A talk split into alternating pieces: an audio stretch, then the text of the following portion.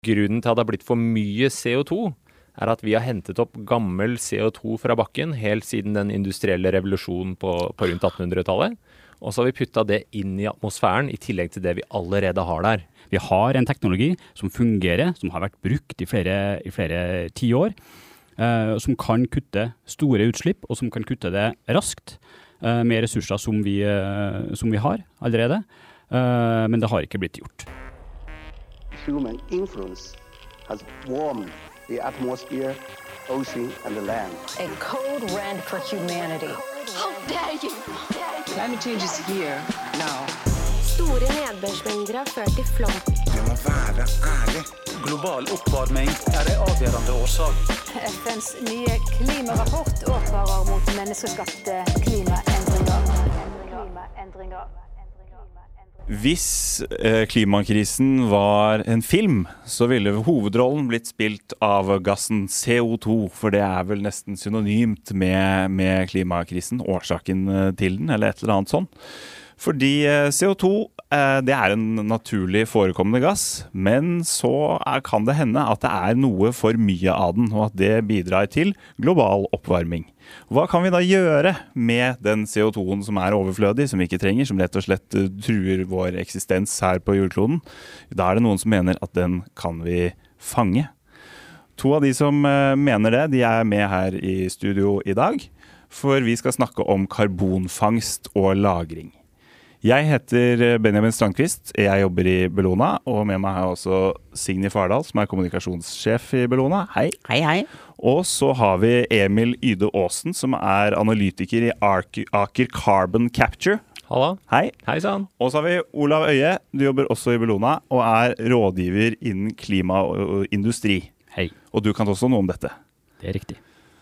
Ok, vi må nesten begynne med begynnelsen her. Eh, hvorfor skal vi fange CO2? Hvis vi skal starte på det overordna der, så, så er det jo nettopp det at det nå er eh, bevist at for mye CO2 i atmosfæren eh, som er eh, skapt av menneskelig påvirkning på kloden, at altså det at vi trekker opp fossile kilder og fører de inn i dette naturlige CO2-kretsløpet, det bidrar til en økt global oppvarming. Og den økte globale oppvarminga er et problem for kloden som sådan, i forhold til hvordan det endrer eh, livet på, jorda her over på lang sikt, altså de neste tiårene fremover. Vi ser jo allerede noen tendenser til det per i dag. Og da må vi stoppe det, eh, og det har verden i stor grad blitt enige om nå, i denne Parisavtalen som det ofte snakkes om. Og det man i all hovedsak snakker, eller har blitt enige om da i Parisavtalen, er å begrense global oppvarming til under to grader, og strebe etter å, å komme ned mot 1,5 grads oppvarming. Og måten å gjøre det på, eller en av måtene å gjøre det på, hovedsakelig, er å få, altså få bort CO2 fra atmosfæren og begrense mengden ekstra CO2 som kommer opp dit. Men kan vi ikke bare kutte utslippene våre, da? Istedenfor å drive og fange CO2? Vi må gjøre det også. Absolutt. Og, og det å kutte utslippene våre, eh, der er jo CCS, som det heter, altså karbonfangst og -lagring, som heter Carbon Capture and Storage, CCS på engelsk. Så dere kommer sikkert til å høre at jeg sier CCS flere ganger. Da er det etablert, så får vi bare si at det er greit fra nå av å si CCS. Takk, så holder vi den internasjonale biten inne der. Eh, CCS er ett verktøy for å gjøre det her, og det finnes flere verktøy. Eh, det er ikke sånn at det er noen silver bullet, som man ofte sier, det er jo et engelsk ord igjen, men eh, det er ikke noe én løsning som funker på alt her. CCS er én etablert løsning som funker for å fjerne CO2, og som man er enige om at trengs dersom man skal nå disse målene som vi snakket om i Parisavtalen. Kan jeg få å stille et dumt spørsmål? Um, en ting er at CCS, ja. For meg, når jeg begynte i Bellona for ikke så veldig lenge siden, så uh, florerte det jo med sånne forkortelser. Uh, så CCS og CCU og var, var blant de. Jeg har heldigvis også lært meg nå at eh, karbonfangst og -lagring eh, er det som eh, det betyr, og som er en bra ting. Men når vi snakker om eh, CO2, det er jo noe vi puster ut også. Så det er antageligvis utrolig teit å stille dette spørsmålet, men det er noen ganger litt vanskelig å begripe hvordan en gass som vi alltid Som vi alle lever av, og er helt, vi er jo helt avhengig av å ha CO2. Plantene er avhengig av CO2. Vi er alt liv er avhengig av CO2. Hvordan kan det bli noe som er livsnødvendig, kan bli også livsfarlig, på en måte. Eh, Går det an å forklare det på en enkel måte? Hva, hva er det liksom med denne gassen? Det handler jo i stor grad om balanse, vil jeg si. Balanse i naturen. Så du har dette karbonkretsløpet, som du sier, det er en del av naturen helt naturlig. Eh, fotosyntesen bruker det, og det er en del av det, du, det vi puster ut. Du finner det helt naturlig. Men den mengden CO2 på, på kloden, den er i balanse i dette kretsløpet. Og grunnen til at det har blitt for mye CO2, er at vi har hentet opp gammel CO2 fra bakken helt siden den industrielle revolusjonen på, på rundt 1800-tallet. Og så har vi putta det inn i atmosfæren, i tillegg til det vi allerede har der. Og det er da det begynner å komme ubalanse. Og så har vi gjort dette mange, eller ofte over lang tid, hele veien eh, frem til i dag. Altså vi har fått en mer og mer moderne livsstil som krever mer og mer av disse industrielle mm, kildene, og dermed også CO2-en som hører med, som har gjort at vi har såpass mye CO2 i atmosfæren per i dag. Vet du, nå gikk det et litt lys opp for meg, Mm. faktisk. For det vi brenner, kull og olje og sånt, det er jo gamle døde planter som i sin tid Ja, sto på jorden og absorberte CO2 da. Og greia Og da- er jo at det er normal, nor, i normal situasjon så er det en balanse. Men Mm. fordi vi tar foss, altså tar opp disse tingene fra innerst i, jord, eh, Mm. i jordkloden og tar det ut og lager energi av det, så blir det ubalanse. Ja. Istedenfor å la de døde plantene hvile i fred. Ja, sant. Ja. Ja, det, Men det er jo verdt å nevne at selvsagt det, det levesettet vi har i dag, er jo muliggjort av at vi nettopp har, Ja, ja. har funnet disse kildene. Ja. Men så, så har man gjennom industriell revolusjon kanskje ikke nødvendigvis sett problemet ved det før nå. Og så er det først nå i 20, altså to, det 21. århundret at vi har blitt enige om at dette er et problem som vi må løse. Mm. Eh, og da er jo noe av utfordringen nettopp det at mye av levesettet vårt i dag er basert på å utnytte disse, disse veldig energirike karbonene som ligger i bakken, og som ender opp da med å ende opp med atmosfæren når de er brent. Og det vi snakker om er olje og gass. Fossile Fossile brensler, altså olje, gass og kull. Ja, og kull, selvfølgelig. Men så sier dere at vi kan fange opp dette CO2-utslippet fra denne forbrenningen på en eller annen måte. Hvordan all verden gjør man det? Eh, som jeg sa der, jeg tror det er viktig bare å ha for seg at i forhold til å kutte CO2, så er det flere veier til målet. Eh, og hvis vi skal dele det sånn veldig grovt i tre, så er det på en måte den ene er eh, fornybart. Da erstatter du de energikildene i dag som er basert på olje, gass og kull, med andre fornybare kilder. Så når du skal bruke elektrisitet, så bruker du ikke olje, gass og kull, men du bruker fornybart i stedet. Da kutter du. Vindmøller, sol, vann. Ja. Alt, alt det gode som det snakkes Ja. mye om. Mm, elektrisitet. Ja.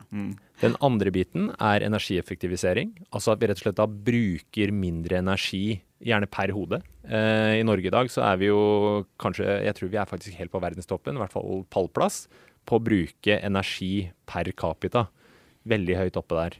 Eh, og så er vi veldig heldige med vannkraften vår, så vi kan si litt hva er karbonavtrykk med det. Men uansett, det å effektivisere rundt energiforbruk er en annen veldig, veldig viktig ting. At vi som, som kaller menneskeheten, må bruke mindre energi som helhet. Mm. Og Og det at vi er høyt oppe, det er jo én ting, men f.eks. for eksempel et eh, land som Hellas ligger også veldig høyt på energiforbruk per capita eh, om vinteren til oppvarming av boliger. Ikke fordi det er så kaldt der, men fordi de har så dårlig isolerte hus. Så der har de jo et kjempepotensial for å, for å kutte det. Så det er kjempesammensatt der, og under energieffektivisering så finner du en tirade av tiltak, og det samme under fornybart også, for så vidt. Men så har du da CCS, som på en måte er en sånn tredje pilar under måten å redusere CO2-utslipp på. Og da kan du fange ut disse CO2-molekylene ut av lufta, rett og slett. Og så kan du eh, komprimere de og lagre de permanent nede i bakken i mange av de samme områdene som vi i dag har, har trukket ut olje og gass. Så på samme måte som olje og gass har vært lagra nede i bakken, altså tusenvis av meter nede i bakken over millioner og milliarder av år, så tar vi nå og fører CO2 ned igjen i de samme lagrene, slik at de blir liggende der og aldri når atmosfæren. Og måten man fanger på, det finnes mange teknologier man kan gjøre dette med, men prinsippet er det samme. Det er å fange CO2-en og lagre det permanent. Og da er det liksom Det kommer tilbake der det kommer fra. Altså vi putter det tilbake der det kommer fra. Nettopp. Veldig interessant. Eh, jeg bare tenkte Olav Øie, som jo er vår eh, CCS-general, eh, vil jeg jo si. Vår, altså i Bellona. Bellona sin. Bellona sin. Eh, hva syns vi i Bellona om CCS, da? Bellona har jobba for eh, fangst og lagring av CO2 siden, siden 1990-tallet. Vi har jobba med det i, i Norge, og vi har jobba med det og får det også stadig mer i eh, Europa. Gjennom vårt, eh, vårt kontor i Brussel, som vi har hatt siden 1994. Så Bellona har jobba for, og vi har vært frustrert veldig lenge, fordi vi har en teknologi som fungerer, som har vært brukt i flere, i flere tiår, Uh, som kan kutte store utslipp, og som kan kutte det raskt, Uh, med ressurser som vi, uh, som vi har allerede. Eh, men det har ikke blitt gjort. Kanskje fordi det ikke har, eh, klimakrisen ikke har blitt følt kjentes på kroppen, på samme måte som stadig flere gjør nå, både i, i Europa, i, i, Asia, i USA og, og andre steder i, i verden.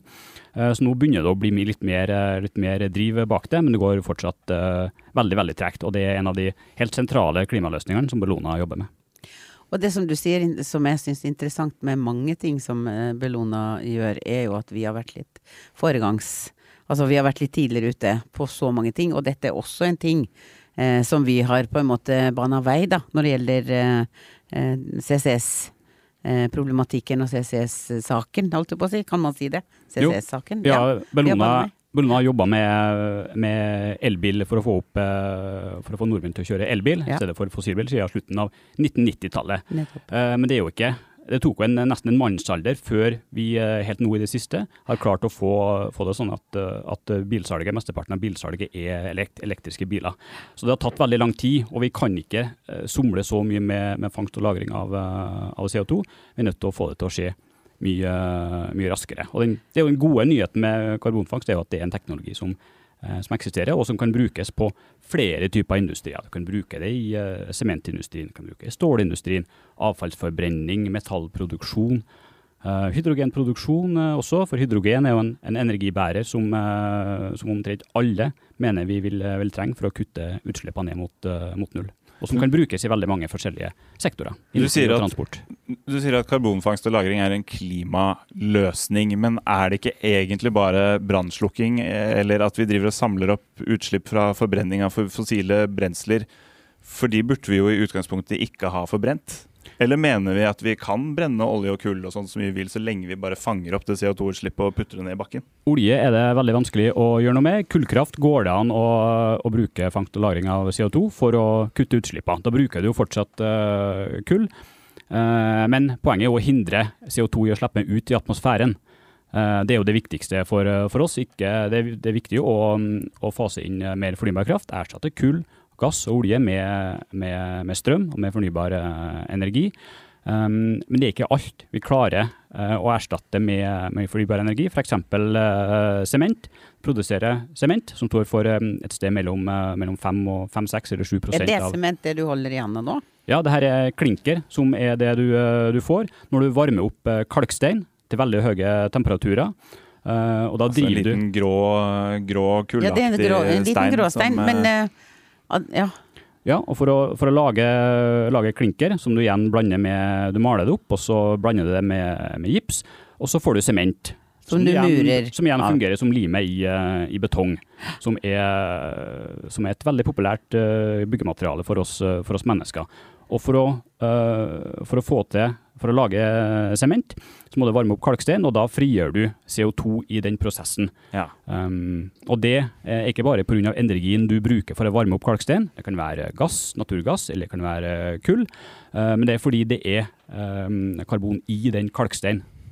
Riktig. Så, så all, alle CO2-utslipp er på en måte ikke likestilt? Eller mener vi altså også et, et kullkraftverk hvor man produserer elektrisk strøm fra kull med karbonfangst og -lagring er like rent og like bra som et vannkraftverk? Ja, det, er det, er eh, det er nok vanskelig for et kullkraftverk å komme helt, eh, helt, ned mot, eh, helt ned mot nullutslipp. Det ville i så fall vært veld, blitt veldig veldig dyrt å fange alle utslippene fra et, eh, et kullkraftverk. Mm. Og veldig, vi ser jo også nå at, eh, at fornybar energi, sol og vind, er i ferd med å utkonkurrere kon- eh, kullkraft, også utkonkurrere kullkraft som ikke har karbonfangst. karbonfangst. Men eh, vil det med andre ord si at det finnes kullkraftverk i dag med karbonfangst og lagring Det gjør det. løsning? Eh, Hvor da? Det er i Canada, oh, ja. eh, blant annet, og også i, eh, i eh, USA. Så det er, det er flere som har, eh, som, har, eh, som har prøvd det, og det har fungert i, i, varierende, i varierende grad. Så det er i høy grad teknologien som det, som det går an å, å bruke. Men det er jo en teknologi som uh, som ikke har vært tatt i bruk i, uh, i, uh, i veldig, veldig stor skala på veldig mange, veldig mange steder. Så det er en teknologi som finnes, men som må brukes, anvendes i forskjellige typer industrier for å få opp, for å få opp stordriftsfordeler ved, ved industriell produksjon av karbonfangstanlegg. Men også, vi trenger mye karbonfangst for å,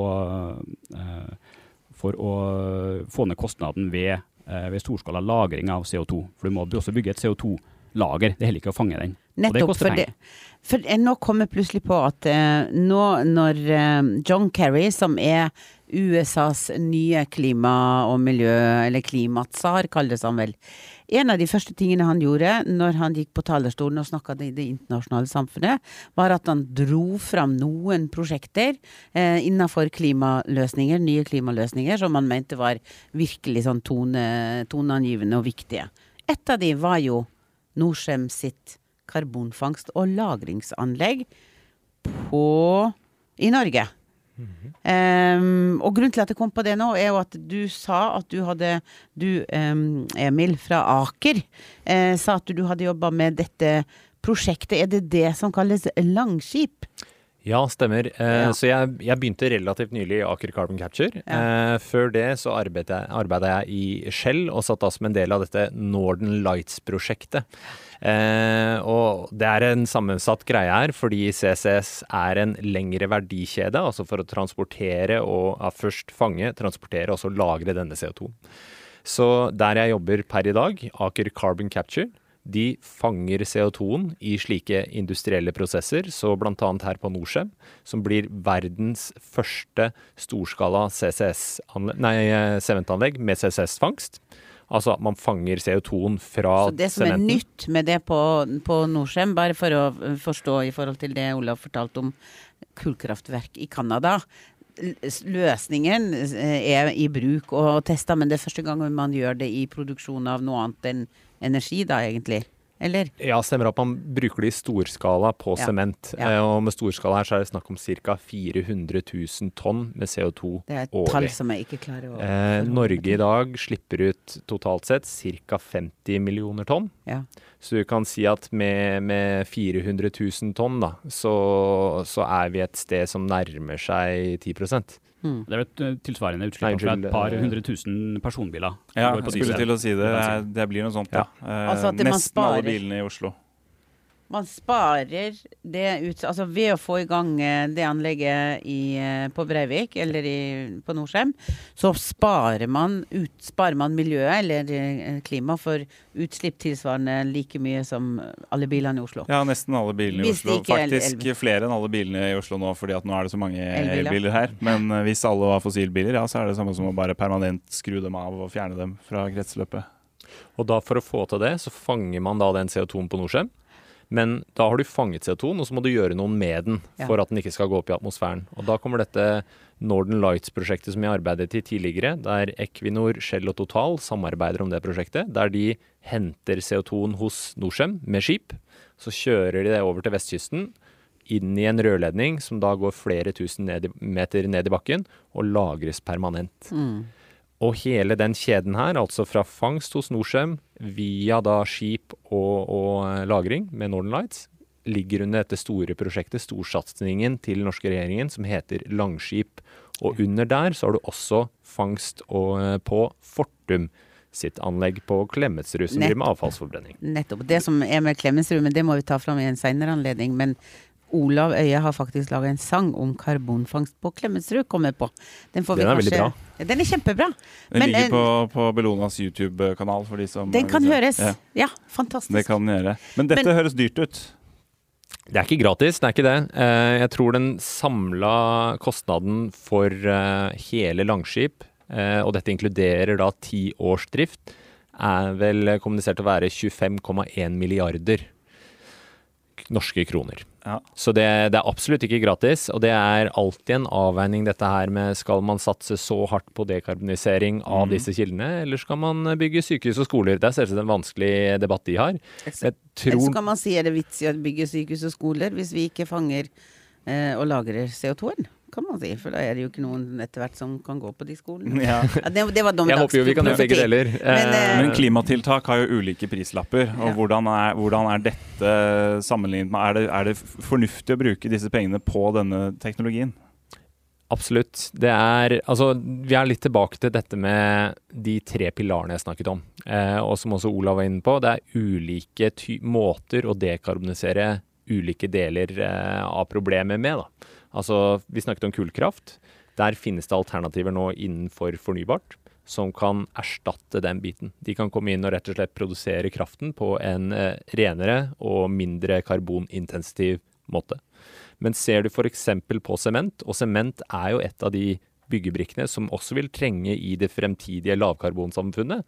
Altså Man vil trenge sement til å bygge veier, man trenger det til å bygge vindmøller. Man trenger det i så mange ulike deler av det moderne samfunnet vi er i i dag. Og for å få til det, så er produksjon av sement Det er, eh, som den steinen som Olav har foran seg her, ca. to tredjedeler av CO2-en som kommer fra sement.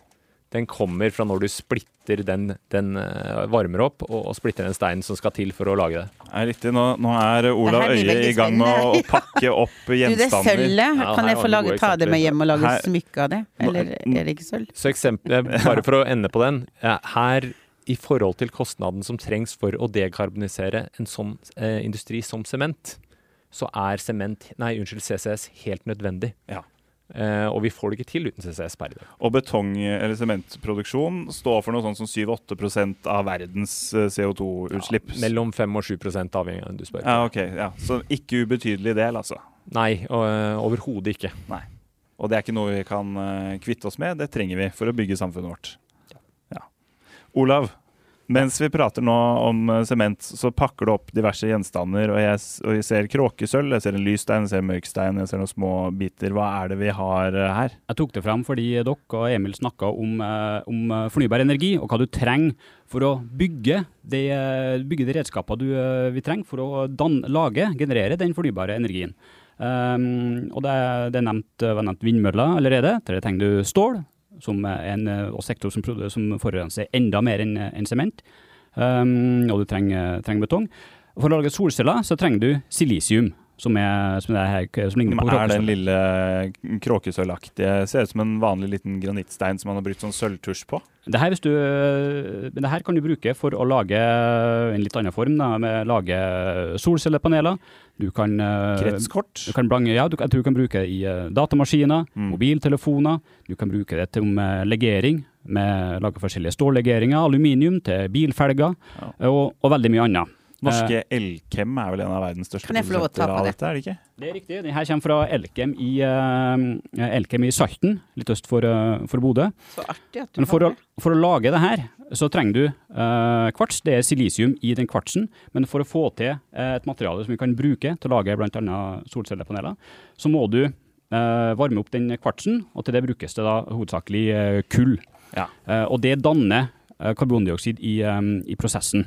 For man kan ikke få denne varmen med elektrisk energi f.eks. Man må brenne kull for å få det til, eller? Det går nok an å få en, en del med, delvis med elektrisk eh, energi òg, men det er for å, eh, for å drive ut, eh, for å drive ut eh, oksygenet Mm. i eh, kvarts, så må det reagere med noe. Derfor vil jeg si at kull er, det brukes til å varme opp, eh, men det brukes også som reduksjonsmiddel, altså for å redusere mengden oksygen i kvartsen, sånn at du kan få silisium. Jeg var riktig det jeg skal spørre om. Det er det som er et, at det er et reduksjonsmiddel. Ja. Da er det det vi snakker om. Ja. Og For noen industrier, sånn som stål f.eks., så går det også an å bruke brukes til kull, eh, kull stort sett i dag.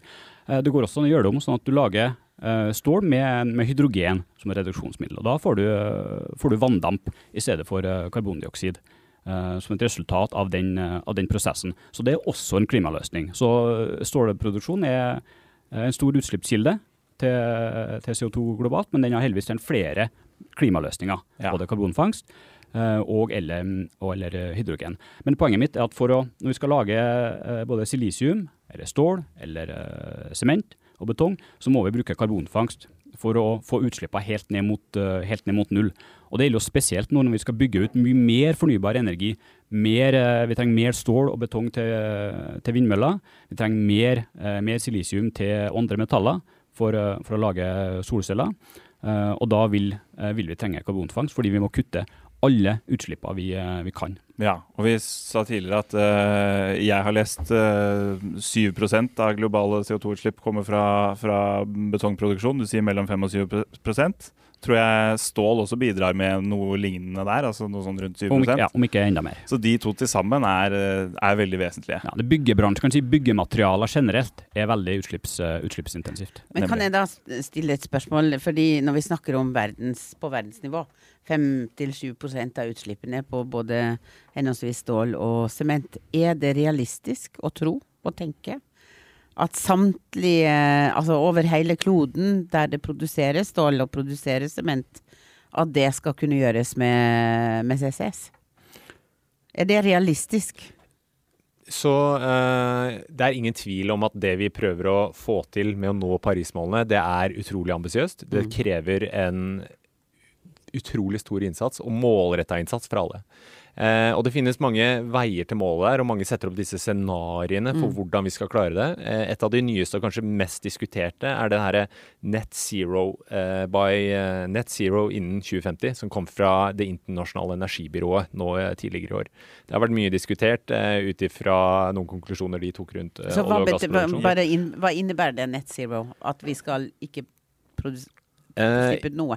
Inn, altså Hovedmålet med det scenarioet er at vi skal være i netto null karbonutslipp innen 2050. Betyr det også at vi må ha karbonfangstanlegg koblet på hver eneste person i form av en slags omvendt eh, gassmaske som fanger opp, filtrerer ut CO2? Ja, det, da, da er vi nok inne på eh, litt eh, Det er lov å drømme. Ja, ikke sant. Nei, man går etter de store kildene. Eh, absolutt. Men det de sier i det scenarioet som er interessant, er at i 2030 så trenger du 1,3 gigatonn med eh, CCS. Og hvor mye er det? 1,3 gigatonn, det er 1300 millioner tonn årlig med CO2-fangst.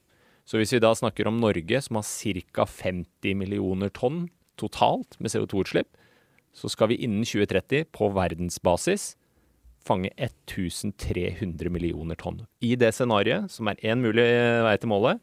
Så det snakker noe om skalaen som trengs Mm. her. Er det realistisk?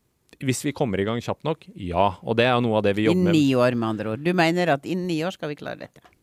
Ja, det men det trengs en utrolig innsats. Og det er jo noe av grunnen til at vi i Aker Capture også finnes. Hele grunnen til at vi som selskap har blitt etablert og, og, og spunnet ut av Aker-systemet, er jo nettopp for å akselerere denne, denne deploymenten, holdt jeg på å si. Altså det at man faktisk bygger CCS-anlegg rundt omkring i, i Norge, Europa og verden. Mm. Fordi man ser at den største innovasjonen som faktisk finnes i CCS i dag, altså som Olav sier her, CCS har vært her i årtier. Det er en teknologi som funker. Og det man trenger nå, det er faktisk å få bygget disse anleggene og få implementert de med de industriprosessene som, som gir mening, som vi har snakket om. Vi har snakket om stål, vi har snakket om hydrogen, eh, sement ikke minst. Så må man faktisk få i gang disse prosjektene. Og da er vi inne på finansieringsbiten av det, Mm. som er en, eh, en større diskusjon som vi kanskje kan tørste litt innom, men som gjør at det ikke har blitt satt i gang nok prosjekter per i dag. Men det er jo nettopp der at det finnes, eh, bl.a. nå med dette Langskip-prosjektet, så har den norske regjeringa tatt en stor, modig og aktiv rolle i å få i gang et viktig prosjekt som kommer til å muliggjøre dekarbonisering for Europa. Men så må vi ha industriaktører som er med, og vi må ha leverandører sånn som ACC, altså Aker Carbon Capture, som gjør det mulig å tenke litt innovativt rundt disse businessmodellene for å sette i gang prosjekter så fort som mulig. Men Kan vi ikke bare si til Norcem eksempel at uh, dere får ikke lov å ha noe CO2-utslipp, så dere må fange det, og så bare får de installere et karbonfangstanlegg og sørge for å lagre det, og så får de ta den regningen? Jo, men hvis de tar regningen, da, så må vi spørre hvem er det da regningen ender på til slutt. Hvis eh, Norcem skal fortsette å eksistere som bedrift, og da Norcem som et eksempel på alle sementleverandører, så må den kostnaden de har i å produsere sement, den må videreføres til de som faktisk bruker sement. Og i ytterste konsekvens så er det da oss forbrukere som går og og kjøper sement og Ja. skal bygge en en eller andre ting. Cement, uh... Jeg er mye, driver mye med sement. Ikke sant? Eh, Men det som jeg nå tenkte at vi ikke har eh, fokusert noe på i dette, rundt dette bordet, er hvorfor samarbeider vi med kommersielle aktører? Ja, Bellona har både formelt og uformelt samarbeid med, med Aker Carbon Capture og med mange andre industriaktører i, eh, i Norge.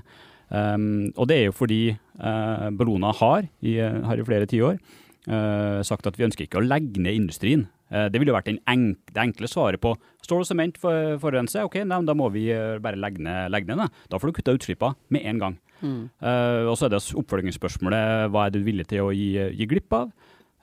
Vil du ha nøyaktig samme samfunnet som du har i dag? Eller du er kanskje villig til å avgi på litt? Eh, er du villig til å avgi på betong, eh, høye bygninger? Vil du gi avkall på jernbane? Vil du gi avkall på, eh, på produksjon av, av vindkraft og solkraft og andre ting? Det er sånne dilemmaer som vi må stille oss. Så Bellona har sagt at vi ønsker å jobbe med industrien, ikke for å uh, legge ned aktiviteten, men for å fjerne utslippene. Og Det er grunnen til at Bellona også samarbeider eh, i svært nært partnerskap med, med en del selskaper som vi regner som eh, pionerer på sitt eh, område.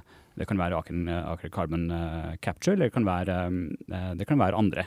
Mm. Så det, og det opplever vi er en veldig eh, effektiv måte å jobbe på. Fordi vi må vise også politikerne at det er mulig å kutte utslipp. For hvis politikerne i Norge og i Europa, i USA og Kina får se at det finnes teknologier som kan kutte utslippene, og at industrien kan ta dem i eh, bruk, da er det også lettere for politikerne å pålegge industrien eh, å, å kutte utslipp.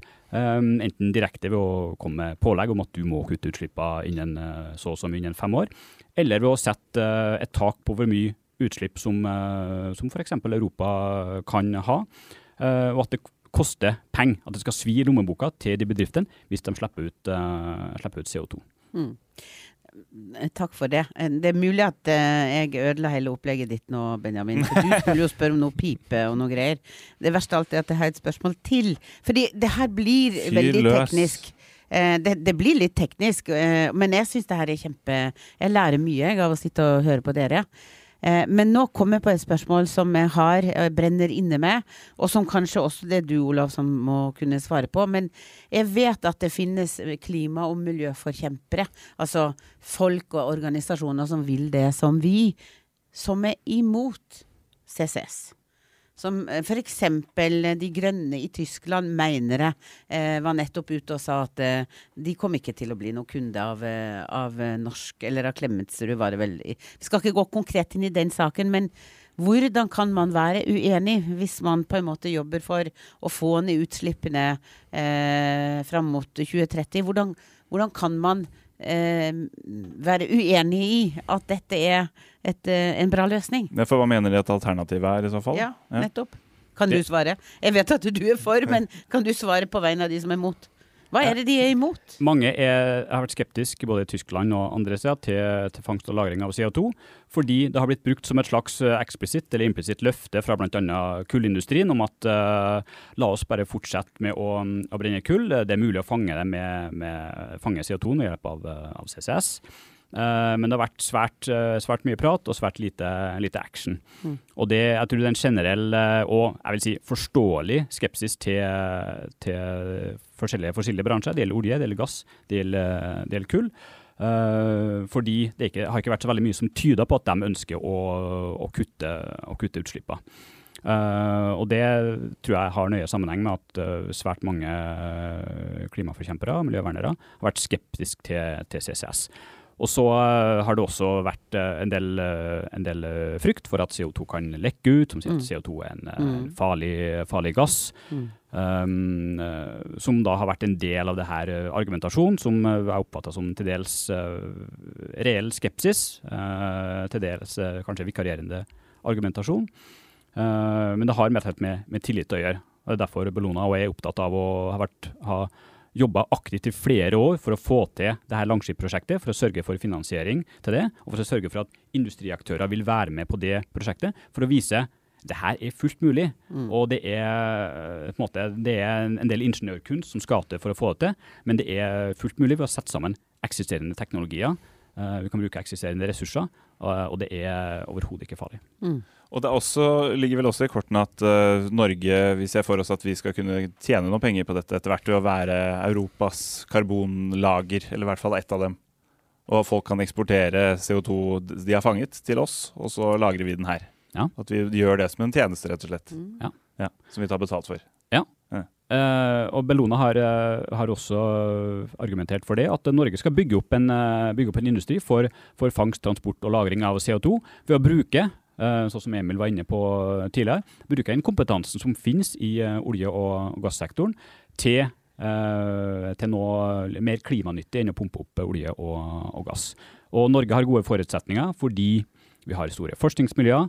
Vi har også industrimiljøer som, eh, som har jobba med, og som fortsatt jobber med, med fangst, transport og lagring av, av CO2. Eh, og ikke minst så har vi eh, den geologien. Er- norske kontinentalsokkelen kan, kan lagre mange, mange, mange eh, tiår med Europas samlede CO2-utslipp, hvis det hadde vært mulig å fange, fange alle. Så vi har de, både de naturressursene og de menneskelige ressursene, og vi har den kapitalen, eh, delvis pga. Av, av oljeinntekter. Eh, den kapitalen som skal til for å få i gang en, eh, en, en industri for fangst og lagring av CO2. Og det vil Norge selvsagt kunne, kunne tjene på. Og status nå at vi har finansiert ett og et halvt anlegg, eller hvor er, hvor er vi? Et og et halvt fangstanlegg og ikke minst et CO2-lager. Ja. Og for oss har det vært det viktige, fordi karbonfangst er, er svært viktig. Men det er lettere å bygge et karbonfangstanlegg enn det er å bygge et, eh, et CO2-lager. Og det er eh, å få til å få alle delene av puslespillet til å passe sammen, og gi industriaktører, en, eh, de som slipper ut CO2, en, eh, en, et sted å gjøre av CO2-en, har vært helt sentralt for oss. Så vi, på en måte, vi Bellona ville begynt i den enden med lageret først. Uh, bygge et lager, og så eh, er det ikke så nøye med hvor fangsten kommer fra, for den, den vil komme. og Det tror jeg Larts-prosjektet har, har merka på pågang. Altså bygge lager under bakken, sant? Vi snakker hele tiden om under bakken. havbunnen. Under Ja. Under havbunnen, Der hvor ja. oljen kom opp. ja. Ja. Altså i, i en tom oljebrønn. Det, Det, kan- være tom oljebrønn. eh, der det skal lagres nå. der her har det ikke, ikke meg bekjent, ikke vært olje og gass, eh, olje og gass før. Um, men det kan begge både Det er jo samme typen stein. Jeg- Men jeg tror det er en ting som er viktig å få med her, er at vi, vi snakker litt som om, om CCS-industrien eh, nå skal begynne å skapes i Norge. CCS i Norge har vi holdt på med i 25 år. Det begynte i 1996 på Sleipner. Eh, det har vært lagra ca. 1 million tonn både på Sleipner og Snøhvit siden da. gjennom var, det for å. Altså, spare ut, eh, var det for å spare utslipp, eller var det andre grunner til den gangen? Så Norge har gjort mye riktig over lang tid her. Norge var tidlig ute med en, en spesifikk CO2-skatt som gjorde at på det tidspunktet så var det bedriftsøkonomisk eh, gunstig å starte med CO2-lagring da. Som gjorde at man, man gjorde det både i pose og sekk der. Man, man lagra CO2, og så, og så var det lønnsomt å gjøre det på, på de eksemplene her. Så det viser bare at der har det vært lagra nå i 25 år på en trygg og, og bevist måte.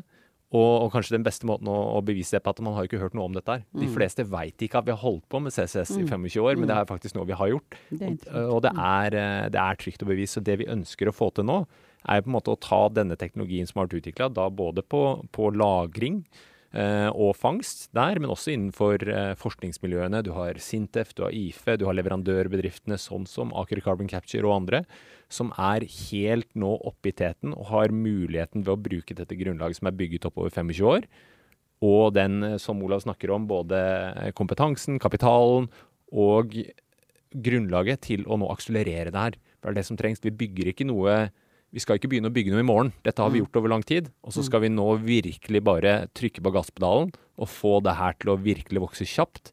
Ref den her IEA-rapporten som sier noe om behov i 2030. Og det er bra du sier det er trygt, fordi eh, det er jo relativt stort skadepotensial i hvis det, hvis det ikke skulle være trygt. da. Og vi ser for oss at vi driver med dette i stor skala en gang i fremtiden, og så skjer det en lekkasje hvor ti år av verdens industrielle klimagassutslipp slippes ut i liksom Ja. jafs. Kan det skje? Kan det skje? Nei, det kan ikke skje. Eh, er det en korte svaret på det. Og det handler noe om hvordan også CO2 lagres i undergrunnen. Ja. Og For den er jo i utgangspunktet den er jo en gass, og den vil jo opp. Ja, den eh, vil, også, den vil opp som eh, i form av at den er en gass, men samtidig så lagrer du den sånn som dette, dette Northern Lights-prosjektet vi snakker om. Der skjer det en mineraliseringsprosess i reservoarene som gjør at over tid så vil den gassen her bli til eh, ja, tilnærma stein, da, for å si det på den måten. Så den vil permanent bli lagra der nede og ligge der som stein, i form av stein, rett denne kalksteinen vi snakket om, for evig og alltid. Eh, og grunnen til at man velger nettopp disse reservoarene, er fordi at de har de, den strukturen da, i bergartene som gjør at det ikke er risiko for lekkasjer. Men i tillegg til det så har man også monitorering på toppen for å sjekke at alt er lagra hele, hele veien trygt. På samme måten som man har gjort på, på Sleipner og, og Snøhvit tidligere. Men når vi nå skal bygge nye eh, fangstanlegg. Si du, du har en sementfabrikk da, som ligger der. Den ligger i Brevik. ikke sant? Og så skal du begynne å fange CO2-utslippene fra, som, som vanligvis kommer ut av en pipe der. Hvordan gjør du det? For å fange ut av den pipa, så tar du Så det er en kjemisk prosess, dette her. Um, så igjen, det er flere teknologier for å fange. Måten vi fanger på, er en aminprosess. Uh, nå veit jeg ikke hvor teknisk vi skal Nei, gå inn i det her, men du kan si Jeg kjenner at det forsvinner litt, eh, men jeg prøver å se det for meg. Et eller annet med at du skal få det det enkelt som mulig. Eh, Du skal tar få det inn på en liten gasstank på en eller annen måte. Hvordan skiller du det ut? Og Du tar uh, røykgassen, altså røyken som kommer ut av eh, sementproduksjonen, vanligvis ut av pipa, så fører du den gjennom en kjemisk eh, svamp. Som, eh, som er aminene som vi bruker, da, som er en kjemisk forbindelse. Og denne kjemiske svampen holder da på CO2-molekylene. Og så varmer vi opp disse CO2-molekylene sånn at de skilles fra svampen. Og da sitter vi igjen med kun CO2. Og så kan vi ta denne CO2-en da og pakke den sammen, trykke den sammen sånn at den tar mye mindre plass. Og så kan vi tykke den ned på disse tankene som da skal transportere det videre. Det er enkelt forklart. Jeg syns jeg fikk det litt sånn bildet billedlig fortalt. Jeg Men hva er det som passerer svampen og fortsetter ut av pipa? Hva er det som er igjen da? Ja, i svampen. Ja, det, Masse annet. I hovedgrad så blir det alt annet som er i røykgassen, men ofte mye vann. Eh, og resten som er i, i, i lufta. Så det er eh, Der har du jo inne på denne biten med, med hvilken type aminer du bruker, altså denne kjemiske forbindelsen. Så det er noe av konkurransefortrinnet til Aker Carbon Capture også. At vi har utvikla en sånn en svamp, en, en solvent som det heter, som er, har en veldig, veldig god miljømessig profil. Som gjør at det du får ut etter at CO2-en er fanga, er, det er null risiko ved det i forhold til nærmiljø og for miljøet ellers. Så det er, eh, hvis, det er et av de konkurransefortrinnene som vi er stolte av, da, Mm. hvis du sammenligner med en del andre teknologier. Men så, så du er rett og slett en svampselger? altså en avansert Ja, nå, jeg føler jeg Ja, vi, vi får si det sånn. og vi lot han slippe til med svampereklamen. Ja, men kan jeg bare stille et spørsmål til? Sorry. Men er det mulig eller hensiktsmessig å samle Fange, mener jeg. Det høres så kult ut med fange.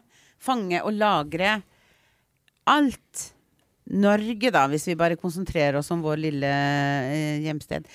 Alt Norge slipper ut av CO2. Er det hensiktsmessig og mulig å bare si vi setter karbonfangst og lagringløsning på alt, og så samler vi alt og putter det ned igjen. Har- Avslører jeg at jeg ikke har skjønt noen ting, da, eller? Nei, men det er- ja. det er det mulig, liksom? Er det hensiktsmessig? Nei, det er det kan vi gjøre det? Det er ikke hensiktsmessig. Nei, det, det kom en rapport i eh, fjor av en rekke aktører i industrien, fra, eh, fra Aker her, fra Equinor, eh, fra Norcem, er sementfabrikanten, og, og en rekke fra Yara, eh, gjødselprodusenten Yara og flere andre, om potensialet for karbonfangst og -lagring Mm. i, i norsk industri. Og de, eh, de fant da eh, ta leta litt, rundt, rundt 5 millioner tonn, altså rundt 10 av Norges klimautslipp, som det var teknisk mulig å fange ved hjelp av, av karbonfangst og, og -lagring.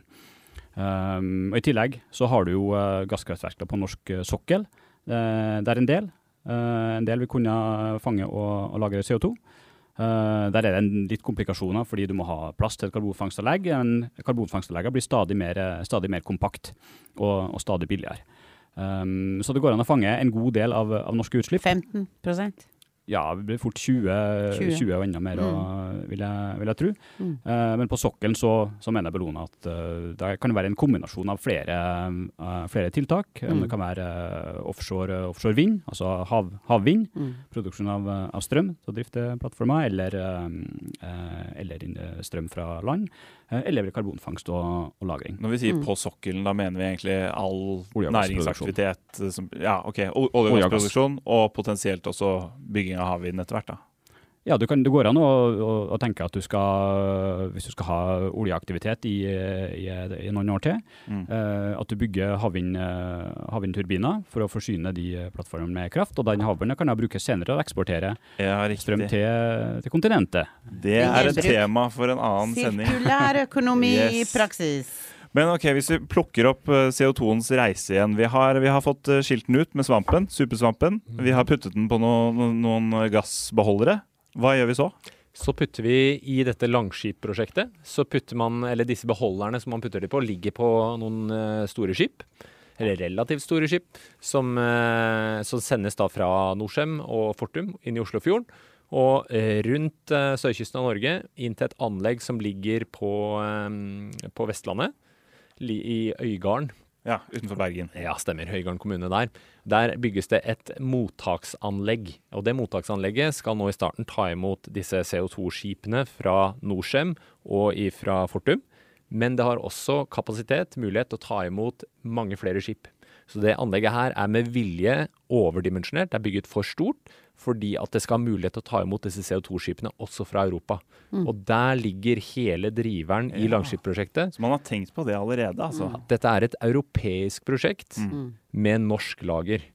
Og det er den viktige rollen Langskip gjør i en europeisk og global skala. Vi bringer inn fleksibilitet og muligheten for europeisk industri til å dekarboniseres.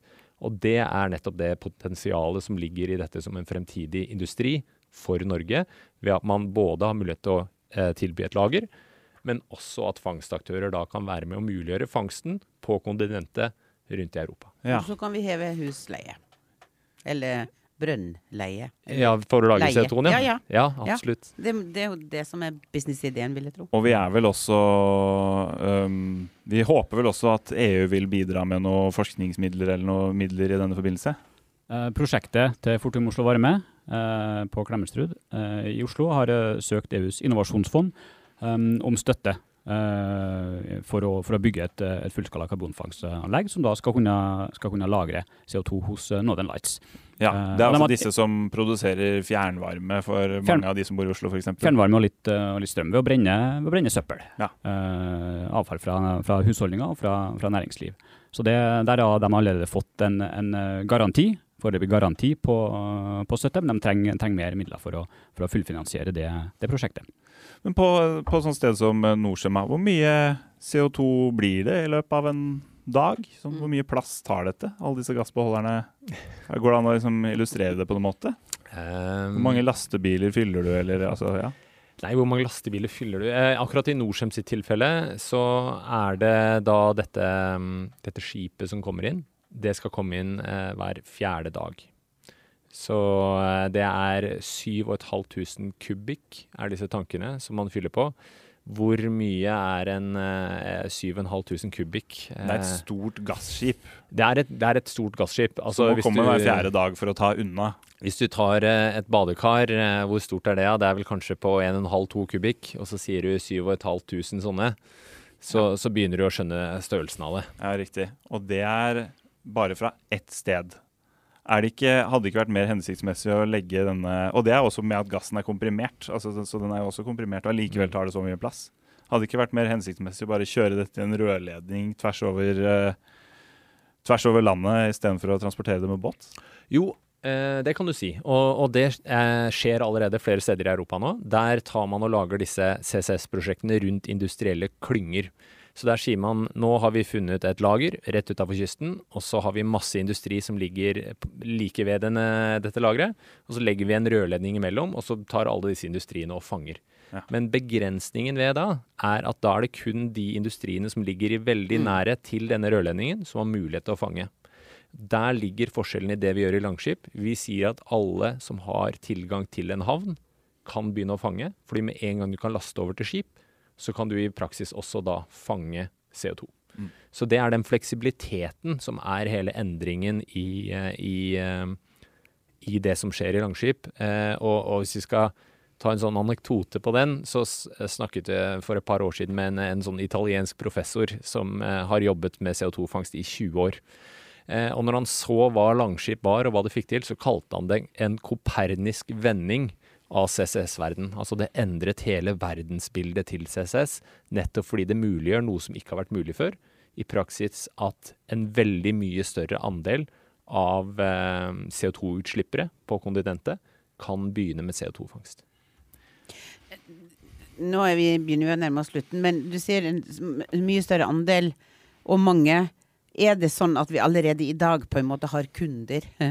Eh, har vi liksom ei kundeliste eh, på Langskip? Eh, eh, Ja, i forhold til eh, Northern Lights-biten og fangst og lagring, så får du nesten snakke med de spesifikt. Ja, og for si de ikke det lenger, du- men de har jo sagt noe om interessen der nå, og den er stor. Og vi ser også det i Aker Carbon Capture, at i Europa nå så er det et kjempemoment. Vi har mer enn nok med å svare på henvendelser og modne prosjekter på alt som skjer i Europa. Og det skjer masse i Nord-Amerika. Og det skjer også en det er en veldig sterk moment også nå i Asia og i Australia.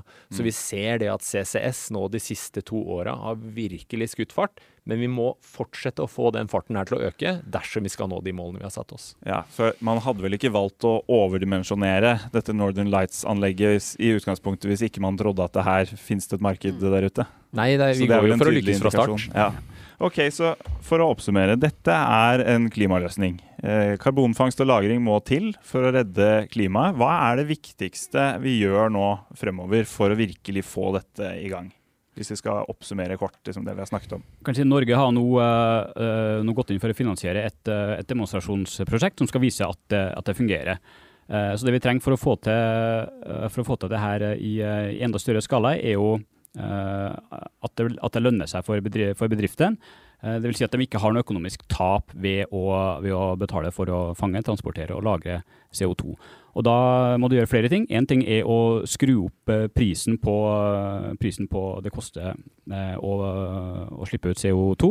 Det skjer bl.a. i eh, EUs eh, kvotesystem. Det skjer også i tillegg i Norge ved, ved hjelp av CO2-avgift. Og de, eh, de prisene, de, den kostnaden, må opp. Men samtidig, som, eh, som jeg nevnte tidligere, for å, å, for å få, fram, eh, få fram en del prosjekter og for å Um, og for å finansiere, uh, finansiere det, det, det det koster, for det er fortsatt, og det vil være en stund til, billigere å slippe ut CO2 enn det vil være å, å bygge, bygge karbonfangstanlegg, Ja. så vil trenger du støtteordninger. F.eks. Um, i form av et, et CCS-fond som, uh, som Norge kan, kan innføre, bl.a. ved å, å bruke en del av de, eh, de, de mange milliardene vi får inn hvert år i, eh, i klimaavgifter. Ja, nemlig. Som så mange andre ting, vri om skatteregimene der ute for å, å gjøre det mer gunstig å la være å forurense, rett og slett, da, Ja. eller å fang, fange opp dette. Å bygge, bygge CO2-lagre er også- svært viktig, for det er ikke eh, Som jeg sa, fange CO2. Det, kan, det går an å bygge et karbonfangstanlegg, og så, eh, så kan du fange, fange CO2. Men å lagre det, det er en del mer komplekst, og for det så, så trenger du eh, en del, eh, en del eh, juridiske reguleringer. Du trenger, eh, trenger en viss statlig ansvar for å ta ansvar for den infrastrukturen, på samme måte som staten har et ansvar for å, sikre eh, strømledninger, veier, jernbane og annen helt samfunnskritisk infrastruktur.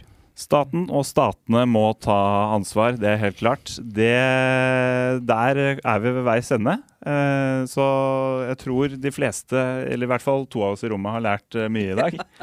Og eh, veldig kult å høre fra dere, og takk for at du kom. Emil Yde Aasen fra Aker Carbon Capture. Takk for at jeg fikk komme. Og Olav Øyåsini Fardal fra Bellona. Takk til dere. Og. Benjamin Strandquist. Og takk for meg. Vi høres neste gang. Ha det bra.